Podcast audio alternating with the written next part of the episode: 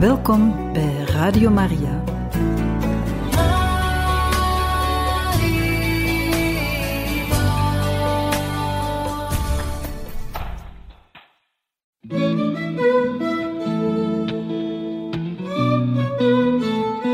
De kerk spreekt. De zorg van een moeder door de eeuwen heen. Een programma van Radio Maria.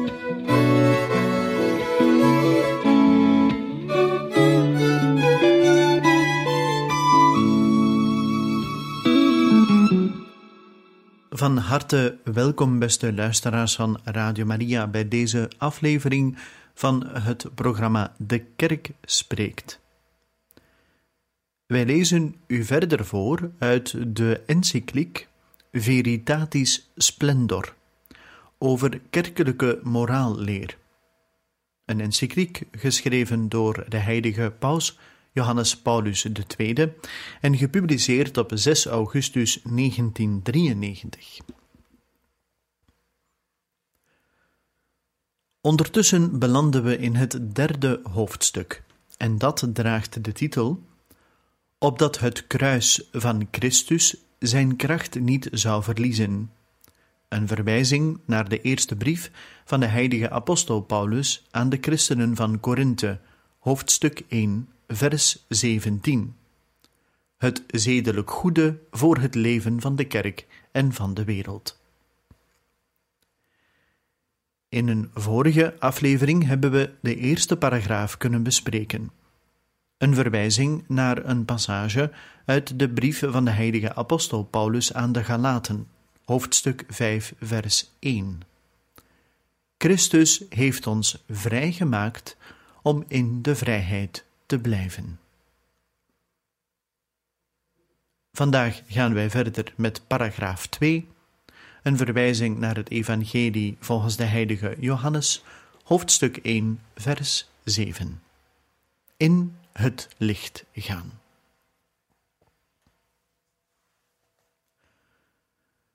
Het tegenover elkaar plaatsen, ja, de radicale scheiding van vrijheid en waarheid, is gevolg, uiting en voltooiing van een andere, nog ernstiger en schadelijker dichotomie, die het geloof scheidt van de moraal. Deze scheiding is onderwerp van een van de dringendste pastorale zorgen van de kerk in het huidige secularisatieproces, waarin veelal te veel mensen denken en leven alsof God niet bestaat. We staan tegenover een mentaliteit die vaak op ingrijpende en verregaande manier en tot in de verreste uithoeken van de maatschappij de houdingen en manieren van handelen, zelfs van christenen, beïnvloedt. Wier geloof daardoor ontkracht wordt en zijn oorspronkelijkheid als zelfstandige maatstaf voor het eigen zelfbegrijpen en het handelen in het persoonlijke, familie en het maatschappelijk leven verliest.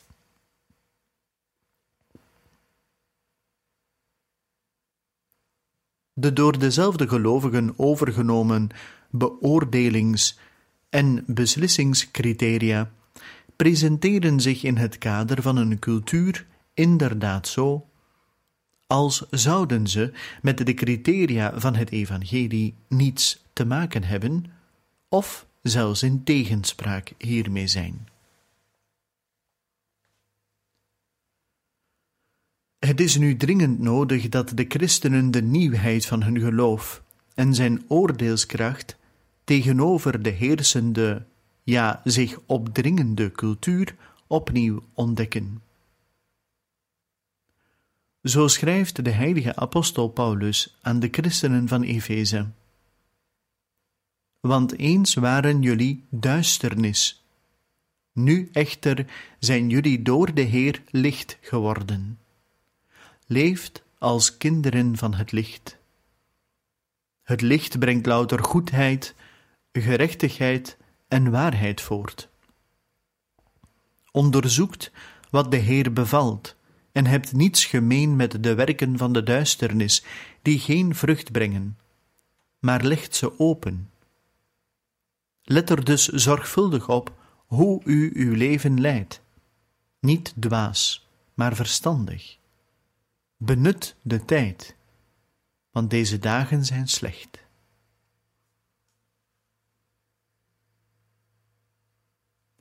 Het is dringend nodig het ware gelaat van het christelijk geloof terug te winnen en opnieuw bekend te maken. Dit is immers niet enkel een som van uitspraken die door het verstand aangenomen worden en bevestigd moeten worden. Het is veel meer een geleefde kennis van Christus, een levende herinnering aan zijn geboden, een waarheid die geleefd moet worden. Een woord wordt uiteindelijk pas dan werkelijk aangenomen als het in handelen overgaat, als het in praktijk wordt gebracht. Het geloof is een beslissing die een beroep doet op de hele existentie.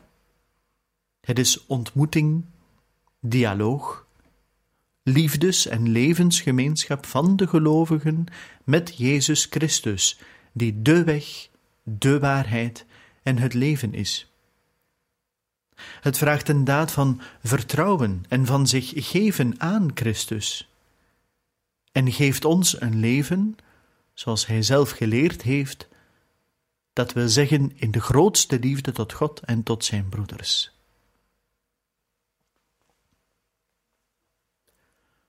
Het geloof heeft ook een zedelijke inhoud. Het schept en verlangt een consequente geëngageerdheid van het leven. Het ondersteunt en voltooit het aannemen en het onderhouden van de goddelijke geboden.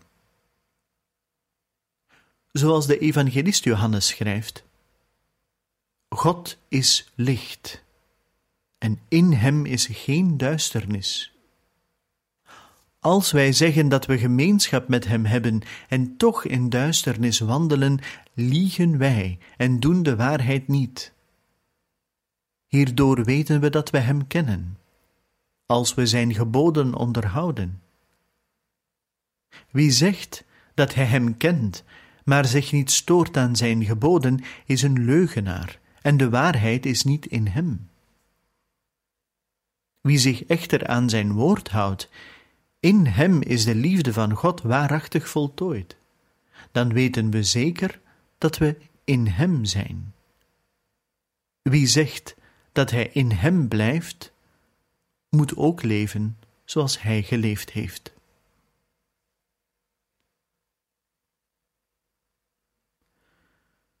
Door het zedelijke leven wordt het geloof tot belijdenis.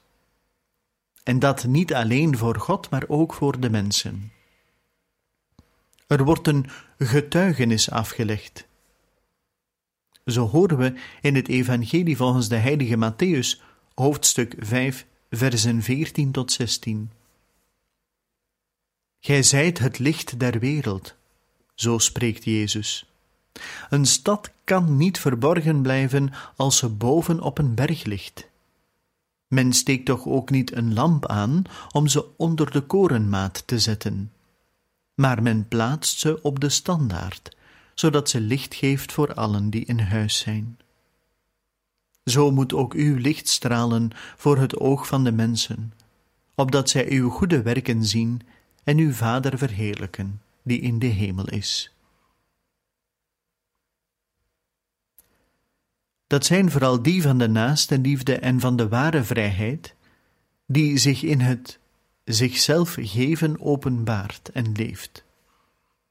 Tot de totale gave van zichzelf, zoals Jezus gedaan heeft, die aan het kruis van de kerk gehouden en zich voor haar gegeven heeft, zoals staat in de brief van de heilige apostel Paulus aan de christenen van Efeze hoofdstuk 5 vers 25.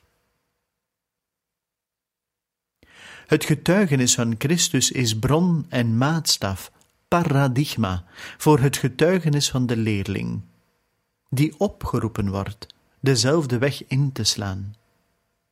Zo horen we de Heer zeggen in het Evangelie volgens de heilige Lucas, hoofdstuk 9, vers 23. Wie mijn volgeling wil zijn, moet mij volgen, door zichzelf te verloochenen en elke dag opnieuw zijn kruis op te nemen.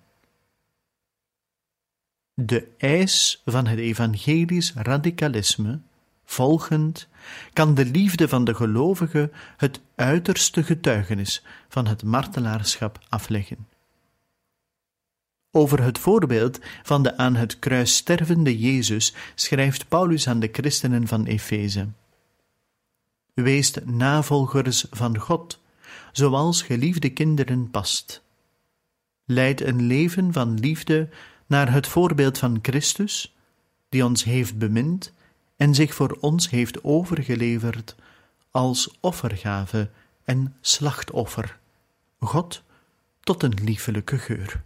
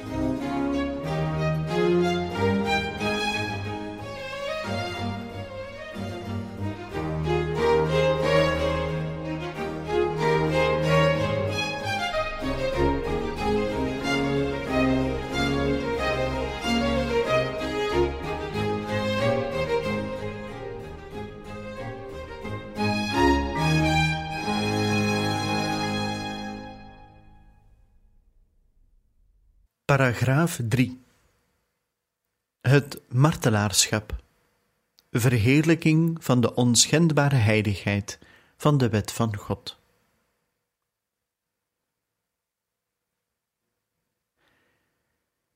In de onvoorwaardelijke achting voor die onopgeefbare eisen, die uit de persoonlijke waardigheid van iedere mens voortkomen, deze door de zedelijke normen verdedigde eisen, die de in zich slechte handelingen zonder uitzondering verbieden, straalt de relatie tussen geloof en moraal in haar volle luister.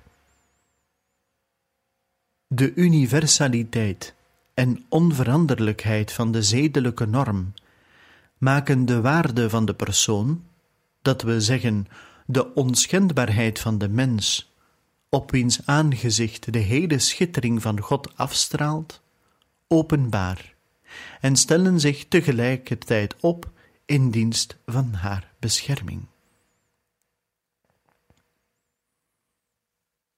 Het onaanvaardbare van de teleologische, consequentialistische en proportionalistische ethische theorieën, die het bestaan van negatieve zedelijke normen ontkennen, normen die bepaalde gedragingen betreffen en die zonder uitzondering gelden, vindt duidelijke bevestiging in het feit van het christelijke martelaarschap, dat het leven van de kerk steeds begeleid heeft en nog steeds begeleidt.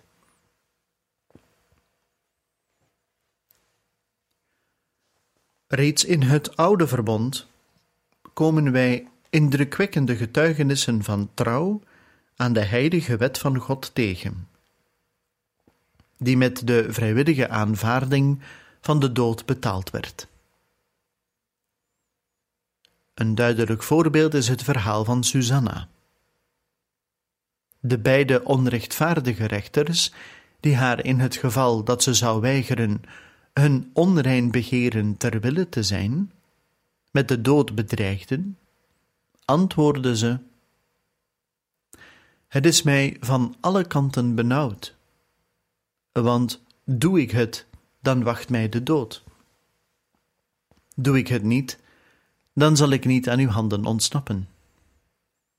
Maar toch is het veel beter het niet te doen en in uw handen te vallen, dan te zondigen voor het aanschijn des Heren. Uit het boek Daniel, hoofdstuk 13, versen 22 tot 23.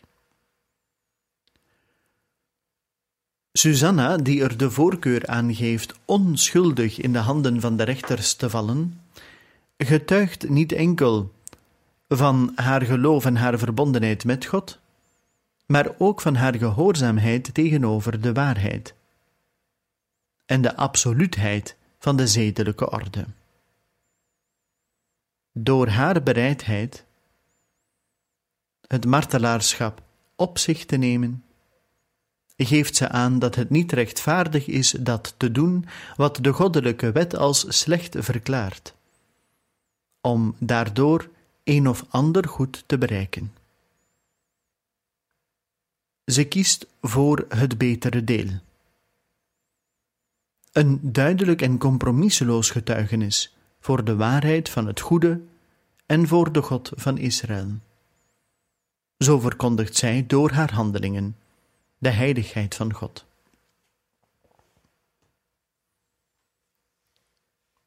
Op de drempel van het Nieuwe Testament weigert Johannes de Doper te zwijgen over de wet van de Heer en met het kwade mee te doen.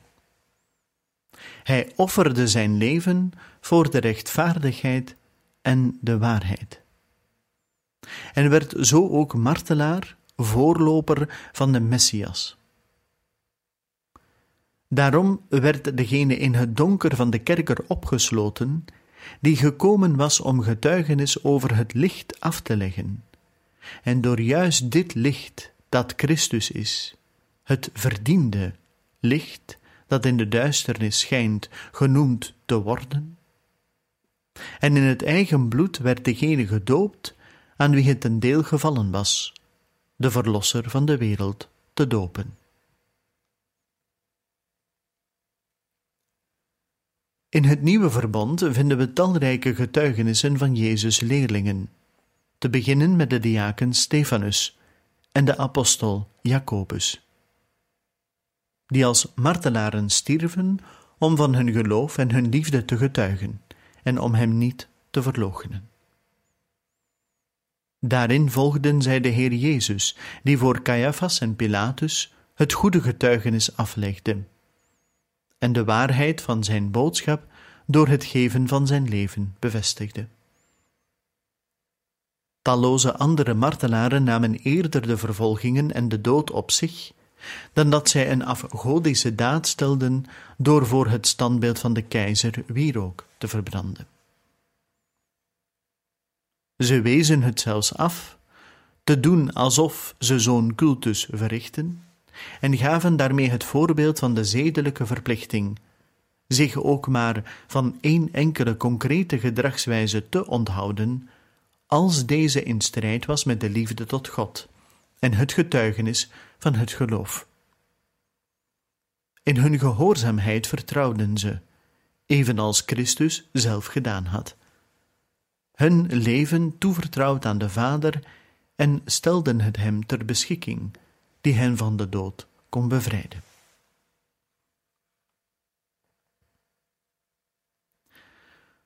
De kerk biedt de voorbeelden van talrijke heiligen, die de zedelijke waarheid gepreekt hebben en tot het martelaarschap verdedigd hebben, of de voorkeur aan de dood boven ook maar één doodzonde gegeven hebben.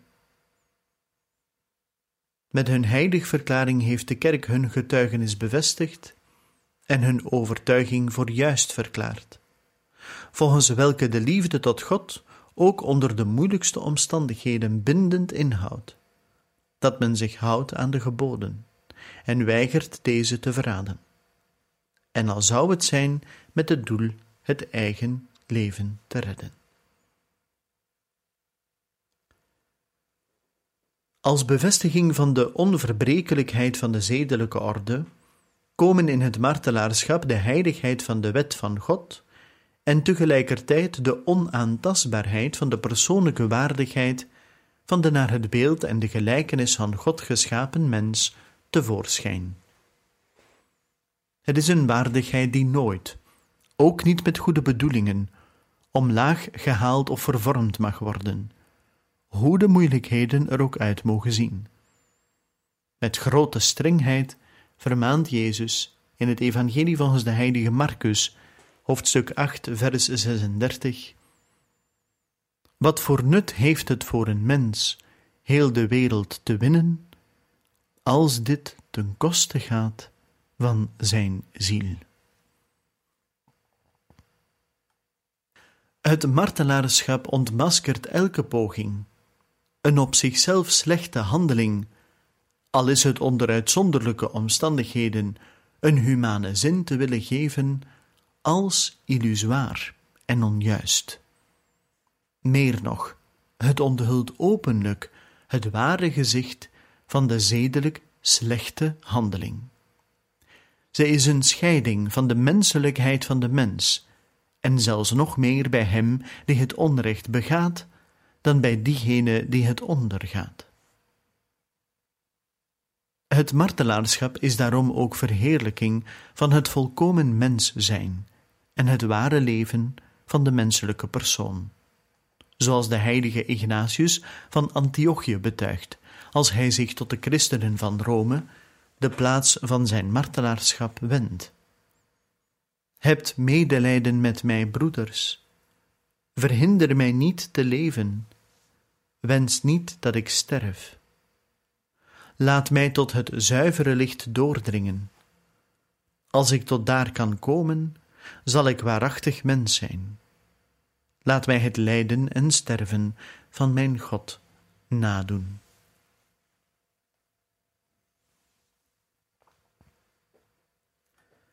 Het martelaarschap is uiteindelijk een lichtend teken van de heiligheid van de kerk. De met de dood betuigde trouw aan de heilige wetten van God is feestelijk getuigenis en missionaire inzet usque ad sanguinem, opdat niet de schittering van de zedelijke waarheid in de gewoonten en denkwijzen van de mensen en de maatschappij van zijn lichtende kracht beroofd wordt. Een dergelijk getuigenis geeft een buitengewoon waardevolle bijdrage, omdat men, niet alleen in de burgerlijke maatschappij, maar ook binnen de kerkelijke gemeenschappen, niet in de gevaarlijkste crisis terechtkomt waarin de mens maar terecht kan komen. De verwarring in zaken goed en kwaad. Wat de opbouw en het bewaren van de zedelijke orde van het individu en de gemeenschappen onmogelijk maakt. De martelaren, en in bredere zin alle heiligen van de kerk, verspreiden licht door het welsprekende en fascinerende voorbeeld van een geheel door de luister van de zedelijke waarheid omgevormd leven van elk tijdperk uit de geschiedenis, door het zedelijke gevoel nieuw leven in te blazen. Door hun uitmuntende getuigenis van het goede zullen ze een levend verwijt worden aan al degenen die de wet overschrijden. En laten ze ook in deze, onze tijd, de woorden van de profeet opnieuw klinken. Wee jullie, die het slechte goed en het goede slecht noemen, die de duisternis tot licht en het licht tot duisternis maakt, die het bittere zoet en het zoete bitter maakt. Uit de profeet Jesaja, hoofdstuk 5, vers 20. Indien het martelaarschap het hoogtepunt van het christelijke getuigenis is voor de zedelijke waarheid, waartoe slechts vergelijkenderwijze weinigen geroepen worden, dan is er toch nog een coherent getuigenis dat alle christenen dagelijks bereid zouden moeten zijn te geven, ook ten koste van lijden en zware offers.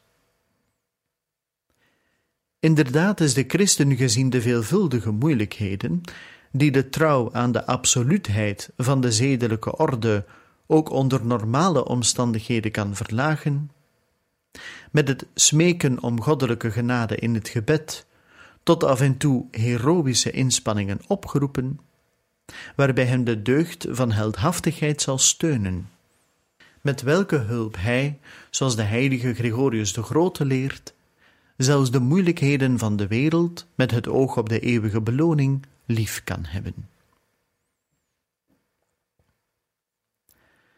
In dit getuigenis van de absoluutheid van het zedelijk goede staan de christenen niet alleen. Ze vinden bevestiging in het zedelijke bewustzijn van de volkeren en in de grote tradities van de godsdienst en cultuurgeschiedenis van het avondland en de Oriënt, niet zonder het voortdurend en geheimzinnig werken van de geest van God. Voor allen moet de uitspraak van de Latijnse dichter Juvenalis gelden. Beschouw het als het allergrootste vergrijp, het eigen overleven boven het eergevoel te plaatsen, en uit liefde voor het lijfelijke leven de eigenlijke reden voor het leven te verliezen. De stem van het geweten heeft steeds zonder tweeduidigheid erop gewezen dat er zedelijke waarheden en waarden zijn, waarvoor we bereid zouden moeten zijn het leven te geven. In het woord, maar vooral in het offer van het leven voor de zedelijke waarde, erkent de kerk juist dat het getuigenis voor deze reeds in de schepping aanwezige waarheid op het aangezicht van Christus vol straalt. We weten, zo schrijft de heilige Justinus, dat de aanhangers van de Stoïcijnse leer gehaat en gedood werden, omdat ze, zoals ook af en toe de dichters, vooral in hun uitingen over vraagstukken uit de moraal, zich voortreffelijk hebben gedragen, op basis van de kiem van de goddelijke logos, die in het hele mensengeslacht is ingeplant.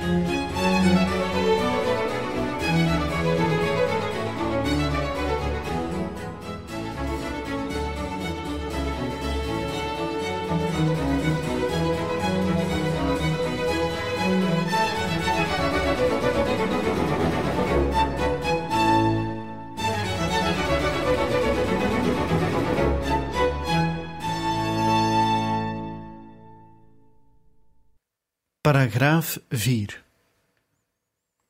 De algemene en onveranderlijke zedelijke normen in dienst van de menselijke persoon en de maatschappij.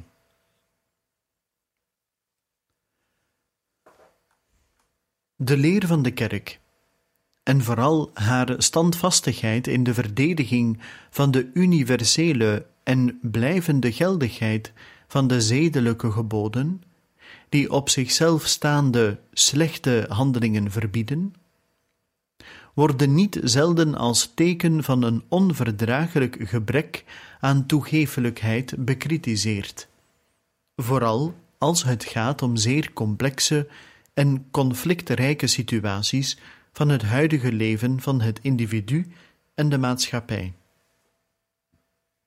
Een ontoegeeflijkheid die strijdig zou zijn met een moederlijk gevoel van de kerk.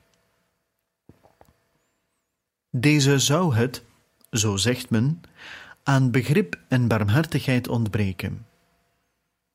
Maar in feite kan de moederlijkheid van de kerk nooit gescheiden worden van haar zendingsopdracht als lerares, die ze als trouwe bruid van Christus, die de waarheid in persoon is, steeds moet uitvoeren. Zo staat er in Familiaris Consortio: Als lerares wordt ze niet moe de zedelijke norm te verkondigen. Deze norm is niet door de kerk geschapen en niet overgelaten aan haar willekeur. In gehoorzaamheid aan de waarheid, die Christus is, wiens beeld zich in de natuur en in de waarde van de menselijke persoon weerspiegelt, interpreteert de kerk de zedelijke norm en legt haar aan alle mensen van goede wil voor, zonder hun eis tot radicaliteit en volmaaktheid te verbergen. Waarachtig begrip en echte barmhartigheid betekenen in werkelijkheid liefde voor de menselijke persoon, voor haar ware welzijn, voor haar authentieke vrijheid. En dit komt beslist niet tot stand doordat men de zedelijke waarheid verbergt of afzwakt, maar doordat men ze in haar diepe betekenis, als uitstraling van de eeuwige wijsheid van God, die ons in Christus bereikt, en als dienst aan de mensen, aan de groei van zijn vrijheid en aan het bereiken van zijn zaligheid voorligt. Tegelijkertijd kan de duidelijke en krachtige voorstelling van de zedelijke waarheid nooit afzien van een diep en oprecht respect, getekend door geduldige en vertrouwen schenkende liefde, dat de mens op zijn morele weg nodig heeft, die vaak vanwege zwakheden en pijnlijke situaties moeilijk blijkt. De kerk kan nooit van het beginsel van de waarheid en de juistheid van haar gevolgen afzien, op basis waarvan ze het niet toestaat goed te noemen wat slecht is en slecht wat goed is.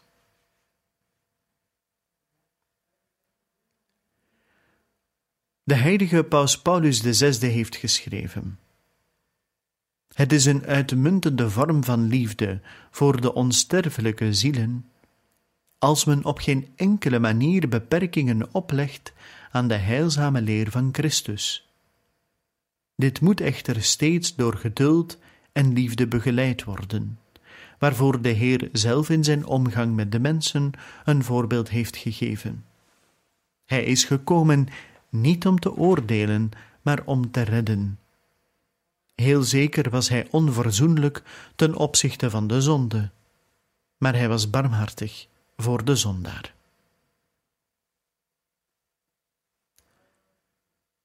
De vasthoudendheid van de kerk bij de verdediging van de universele en onveranderlijke zedelijke normen heeft niets onderdrukkends in zich. Ze dient enkel en alleen de ware vrijheid van de mens.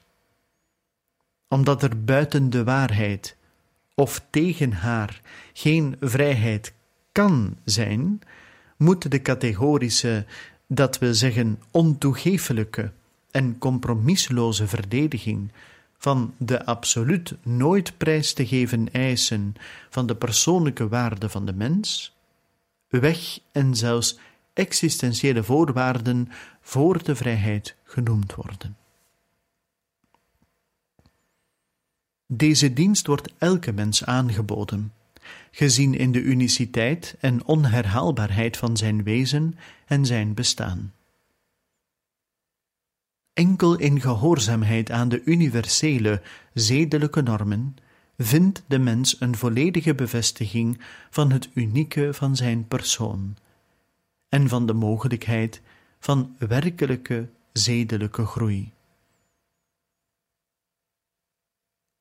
Juist daarom is deze dienst gericht op alle mensen, niet enkel op het individu, maar ook op de gemeenschap als zodanig. Deze normen vormen inderdaad het onwrikbare fundament en de betrouwbare garantie voor een rechtvaardige en vreedzame menselijke samenleving, en daarmee voor een echte democratie, die enkel alleen in de gelijkheid van al haar rechten en plichten verenigde leden ontstaan en groeien kan. Ten aanzien van de zedelijke normen die het in zichzelf slechte verbieden, zijn er voor niemand privileges of uitzonderingen. Of iemand heer van de wereld of de ellendigste is op aarde, dat maakt geen verschil. Voor de zedelijke eisen zijn wij allemaal volkomen gelijk. Zo ontsluiten de zedelijke normen en op de eerste plaats de negatieve die het doen van kwaad verbieden, hun betekenis en de tegelijkertijd persoonlijke en sociale kracht. Doordat ze de onvoorwaardelijke persoonlijke waardigheid van iedere mens beschermen, dienen ze het behoud van de menselijke sociale netwerken en de juiste en vruchtbare ontwikkeling daarvan. Vooral de geboden van de tweede tafel van de Decaloog, waar Jezus de jonge man uit het Evangelie aan herinnert, vormen de grondregels van elk maatschappelijk leven. Deze geboden worden in algemene bewoordingen geformuleerd. Maar het feit dat begin, draagster en doel van alle maatschappelijke instituten de menselijke persoon is en ook zijn moet, staat toe en maakt het mogelijk een precisering en verklaring te geven in een uitvoerige gedragscodex. In deze zin zijn de zedelijke grondregels van het maatschappelijke leven met bepaalde eisen verbonden, die zowel de publieke machten als de burgers moeten navolgen.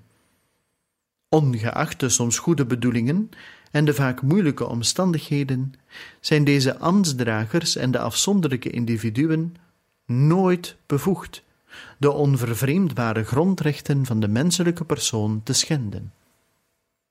Enkel een moraal die normen erkent, die altijd en voor allen zonder uitzondering gelden, kan daarom het ethische fundament voor het maatschappelijke samenleven zowel op nationaal als internationaal niveau garanderen.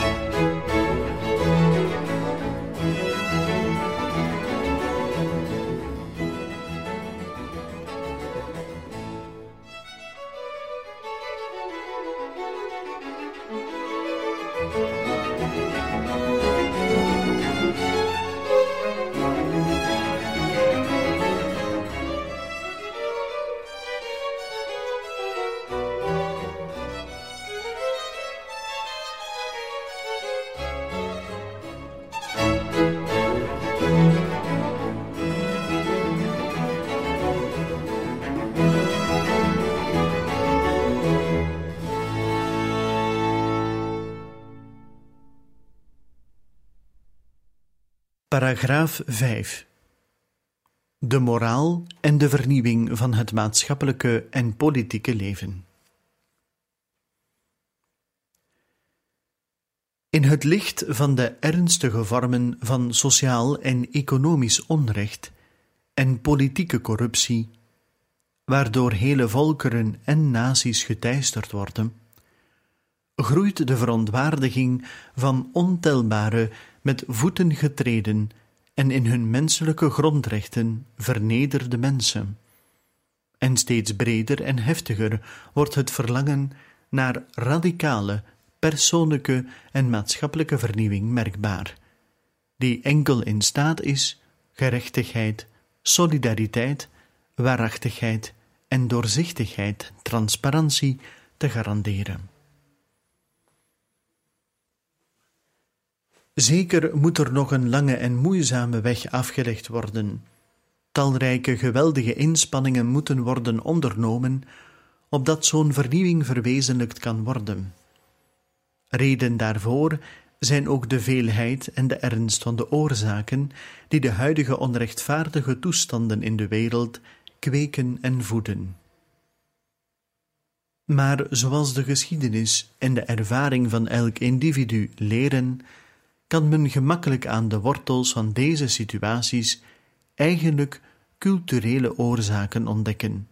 Dat we zeggen oorzaken die met bepaalde opvattingen van de mens, van de maatschappij en van de wereld samenhangen. In feite staat in het middelpunt van de culturele kwestie het zedelijk gevoel, dat van zijn kant op het religieuze gevoel rust en zich hierin voltooit. Enkel God, het hoogste goed, vormt het onvervreemdbare fundament en de onvervangbare voorwaarde van de zedelijkheid. Dus de geboden, in het bijzonder die negatieve geboden, die steeds in elk geval de met de waardigheid van elke menselijke persoon onverenigbare gedragspatronen en handelingen verbieden. Zo ontmoeten het hoogste goed en het zedelijke goed elkaar in de waarheid. De waarheid over God, de Schepper en Verlosser, en de waarheid over de door Hem geschapen en verloste mens. Slechts op het fundament van deze waarheid is het mogelijk een vernieuwde maatschappij op te bouwen en de gecompliceerde en drukkende problemen die deze doen beven op te lossen. In de eerste plaats dat van het overwinnen van verschillende vormen van totalitarisme, om de weg te banen voor de authentieke vrijheid van de persoon. Het totalitarisme komt voort uit de ontkenning van de waarheid in de objectieve zin. Als er geen transcendente waarheid bestaat, in gehoorzaamheid waaraan de mens tot zijn volledige identiteit komt, dan bestaat er geen zeker principe dat rechtvaardige betrekkingen tussen mensen garandeert. Hun klassebelang, groepsbelang en nationaal belang brengt hen onverzoenlijk tegenover elkaar. Als de transcendente waarheid niet erkend wordt, dan triomfeert het geweld van de macht en probeert een ieder tot het uiterste van de hem ter beschikking staande middelen gebruik te maken, om zonder naar rechten van de anderen te kijken, zijn belangen en zijn mening door te zetten. Dan wordt de mens enkel gespaard voor zover hij kan worden gebruikt als middel tot profijt van de heersenden.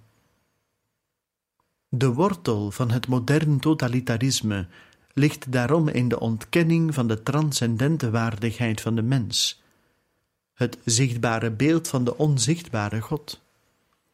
Juist daarom, vanwege deze natuur, is hij drager van rechten die niemand mag schenden, noch het individu, noch de groep, de klasse, de natie of de staat. Ook de meerderheid in de maatschappij mag dit niet doen tegen de minderheid optreden, haar buitensluiten, onderdrukken, uitbuiten of proberen haar te vernietigen. Daarom heeft er niet te scheiden samenhang tussen waarheid en vrijheid, uitdrukking van de wezenlijke band tussen wijsheid en wil van God, een uiterst belangrijke betekenis voor het leven van de mens op het sociaal-economische en sociopolitieke vlak. Dat blijkt uit de sociale leer van de kerk, die op het gebied van de theologie en vooral van de moraaltheologie en de uitleg van de geboden die het maatschappelijke, economische en politieke leven niet enkel met betrekking tot algemene houdingen, maar ook met betrekking tot precies bepaalde gedragswijzen en concrete handelingen regelen. Zo benadrukt de catechismus van de katholieke kerk op de eerste plaats dat op economisch gebied het respecteren van de menselijke waardigheid de deugd van de matigheid vraagt, om de hechting aan de goederen van deze wereld te beteugelen. De deugd van gerechtigheid, om de rechten van de naaste te garanderen en hem te geven wat hem toekomt. En de solidariteit, overeenkomstig de gouden regel en de vrijgevigheid van de Heer. Want hij is om uwentwil arm geworden, terwijl hij rijk was, opdat gij, rijk zoudt worden door zijn armoede. Zo lezen we in de tweede brief van de heilige apostel Paulus aan de christenen van Korinthe. Om dan een reeks van gedragingen en van handelingen die in strijd zijn met de menselijke waardigheid bij de naam te noemen. Dubbelpunt. Diefstal. Bewust achterhouden van geleende of verloren voorwerpen bedrog in het zakenleven, oneerlijke lonen, prijsverhogingen door het misbruik maken van de onwetendheid en de noodsituatie van anderen, het zich toe-eigenen van bedrijfsvermogen van een onderneming voor privégebruik, slecht geleverd werk, belastingsfraude, het vervalsen van checks en rekeningen, buitensporige uitgaven, verspilling enzovoort.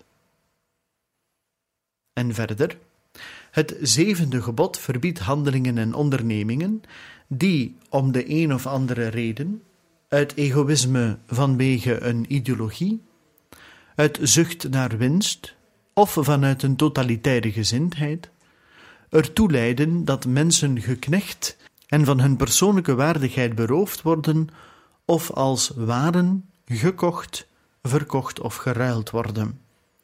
Het is een zonde tegen hun menselijke waardigheid en hun grondrechten, ze op gewelddadige wijze tot louter gebruikswaar of tot bron van winst te maken. De heilige Paulus beval een christelijke heer zijn christelijke slaven niet meer als slaven, maar als veel meer als geliefde broeders te behandelen.